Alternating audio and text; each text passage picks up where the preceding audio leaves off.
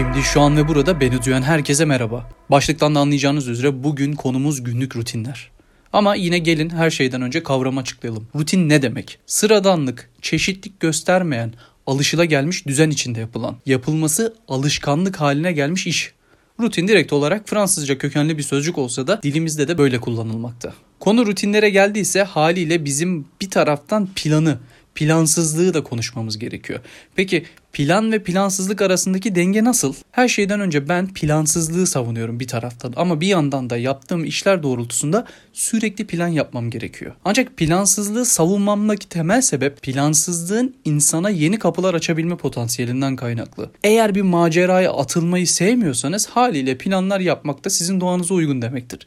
Ben plansızlığın içerisinde hayatın bana getirdiklerini görebilmek için hayatımın bir bölümünü plansız bir şekilde yaşamaya devam ediyorum. Bir yandan da tıpkı dengede olduğu gibi denge bozulduğu zaman dengede olduğumuzu hatırladığımız gibi plansızlık içerisinde de planlı olmanın kıymetini anlayabiliriz. Bu başka bir bakış açısı, başka bir deneyim ama bunu göze alamıyorsanız yine plan yapmaya devam etmeniz gerekiyor. Ancak yine Farklı bir taraftan ben plan yapmak durumunda kaldığım zamanlarda da şunu yapmıyorum. Saat saat ne yapacağımı belirleyemiyorum. Hani üniversite öğrencileri sınava hazırlanırken ya da işte lise öğrencileri çalışırlarken şu saatte şunu yapacağım, bu saatte bunu yapacağım diye program hazırlayan rehber öğretmenleri vardı genelde. Ben onlarla hiç anlaşamazdım.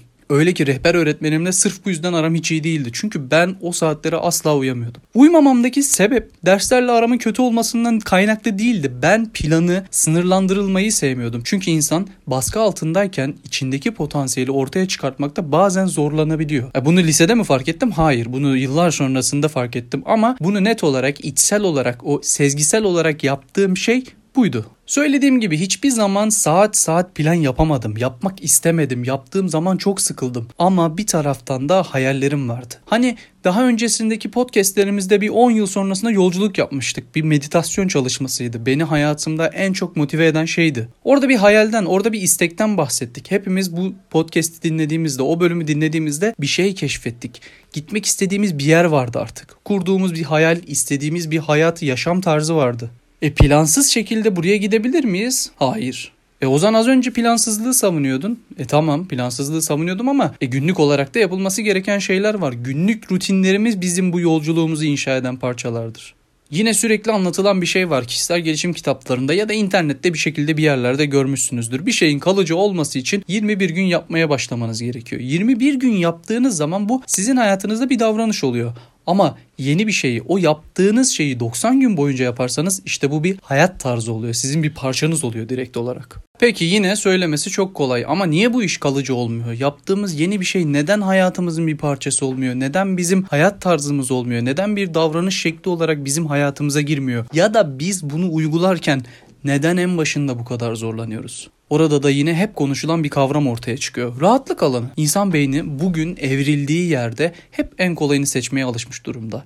Yeni bir şey öğrenmek, yeni bir yere gitmek, yeni bir insanla tanışmak, yeni bir davranışı kazanmak hep çok zor geliyor. Bunu farklı bir açıdan şöyle açıklayabiliriz. Beyinde kullanmadığımız noktalar var. Artık hani her ne kadar insanlık gelişmiş, medeniyet ilerlemiş desek de beynimiz çoğu noktada tembelleşmiş durumda. Tembelliğe alıştığı içinse kullanmadığı noktaları tekrar aktifleştirmek ona çok zor geliyor. Sinir hücrelerinin üzerindeki o bağlantı noktalarının aktifleştirilmesi onu ekstra bir enerji harcama durumunda bırakıyor. O enerjiyi harcamak istemediği için buna engel çıkartmaya başlıyor. Zorlaştırıyor durumu. Öğrenmek istemiyor, bahaneler üretiyor, öğrenme sürecini zorlaştırıyor. Yeni bir şey öğrendiğimizde başımızın ağrımasının sebebi direkt olarak bununla alakalı.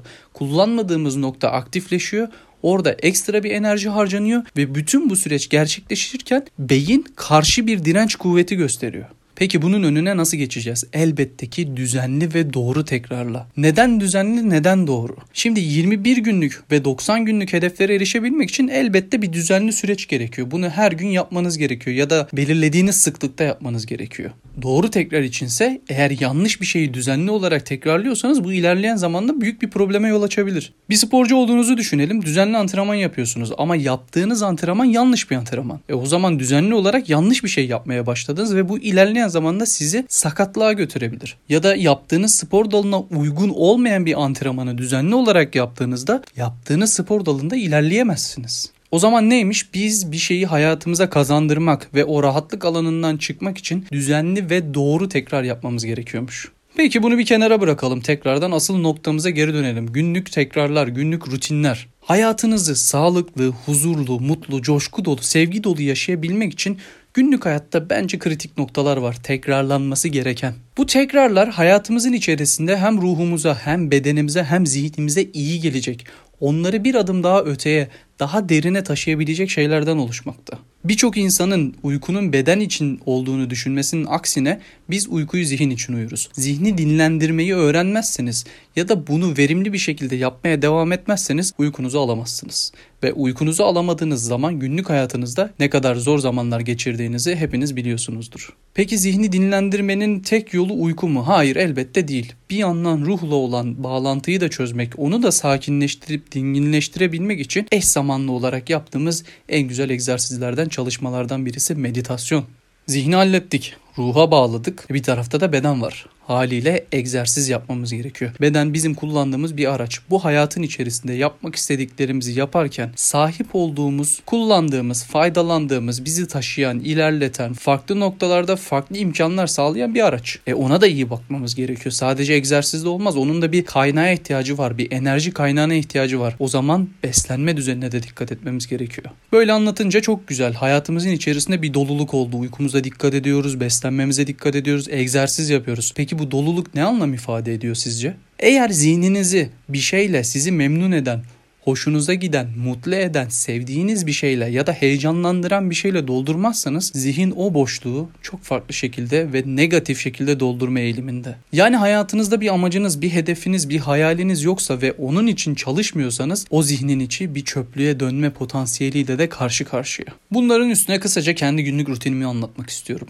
Günlük rutinim olarak ben günde 5 saat 6 saat civarında uyuyorum genel olarak. Ama uyuduğum süre verimli bir uyku olduğu için bana yetiyor. Genelde insanlar bana şunu sorarlar. Ozan az uyumuyor musun sence ya da ben bu kadar uykuyla ayakta duramam sen nasıl duruyorsun diyorlar ama benim için uykunun verimliliği hepsinden daha önemli zihnimdeki dalgaları bilinçli olarak en derin haline, delta seviyesine indirebildiğim için bütün uyku sürem gayet verimli bir şekilde geçiyor. Uykudan uyandıktan sonra meditasyon ve qigong egzersizleriyle yavaş yavaş kendimi ısındırmaya başlıyorum. Çünkü artık 3 boyutlu dünyaya, yaşadığımız dünyaya dönmeye başladık demektir. Plansız olarak yaşadığımı söylediğim dünya içerisinde günlük olarak yapmak istediklerim belli. Ama bunu ne zaman, nerede, nasıl yaparım o benim canımın istediği zaman yaptığım bir şey. Elbette birileriyle görüşeceksem, toplantı varsa, bir plan varsa ona uyuyorum mutlaka ama kendi görevlerimi, kendi yapmak istediklerimi kendi canımın istediği zamanda yapıyorum. Güzel ve keyifli bir kahvaltıdan sonra mutlaka egzersiz. Bedenimi çalıştırmazsam, kaslarımı çalıştırmazsam, ona iyi bakmazsam köreldiğimi hissediyorum. Ve evet bu benim bağışıklık sistemimi direkt olarak etkiliyor. Egzersizlerimi aksattığım ya da yapmadığım dönem içerisinde daha çok hasta oluyorum. Günümü az önce anlattığım şekilde yapmak istediklerim, hayallerim doğrultusunda onları birleştirecek, onları gerçekleştirecek parçalarla dolduruyorum.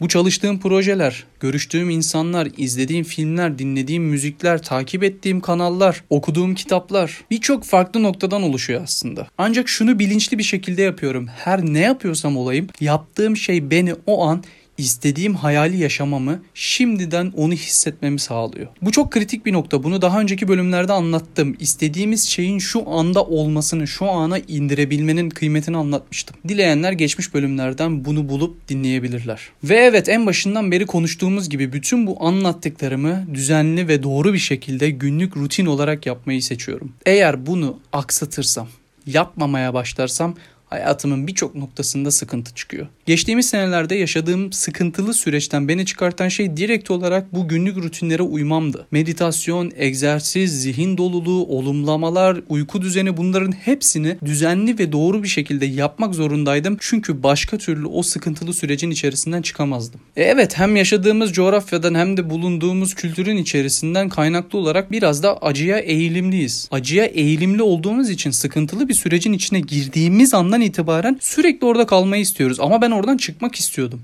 Çıkmak istediğim için de işte günlük rutinleri sürekli doğru bir şekilde, düzenli bir şekilde uygulamam gerekiyordu. O yüzden siz de bir şeyleri değiştirmek istiyorsanız, hayatınızdaki dönüşümü başlatmak, bu deneyimi bilinçli bir şekilde yaşamak istiyorsanız düzenli ve doğru tekrarlarla günlük rutininizi kendinize uyacak şekilde tasarlamanız gerekiyor. Bugün bu bölümün içeriğine ilham olan ve son bir haftadır birlikte çalıştığımız öğrencim Emre'ye de buradan özellikle teşekkür etmek istiyorum. Özellikle dün yaptığımız sohbetten sonra bu konudan bahsetmem gerektiğini hissettim ve bugünkü bölümün bu konu etrafında şekillenmesini istedim günlük rutinlerinizi inşa etmeye başladığınız ve bu inşaların hayallerinizi gerçekleştirmeye katkı sağladığı bir hafta olması dileğiyle. Keyif ve coşkuyla kendinize iyi bakın.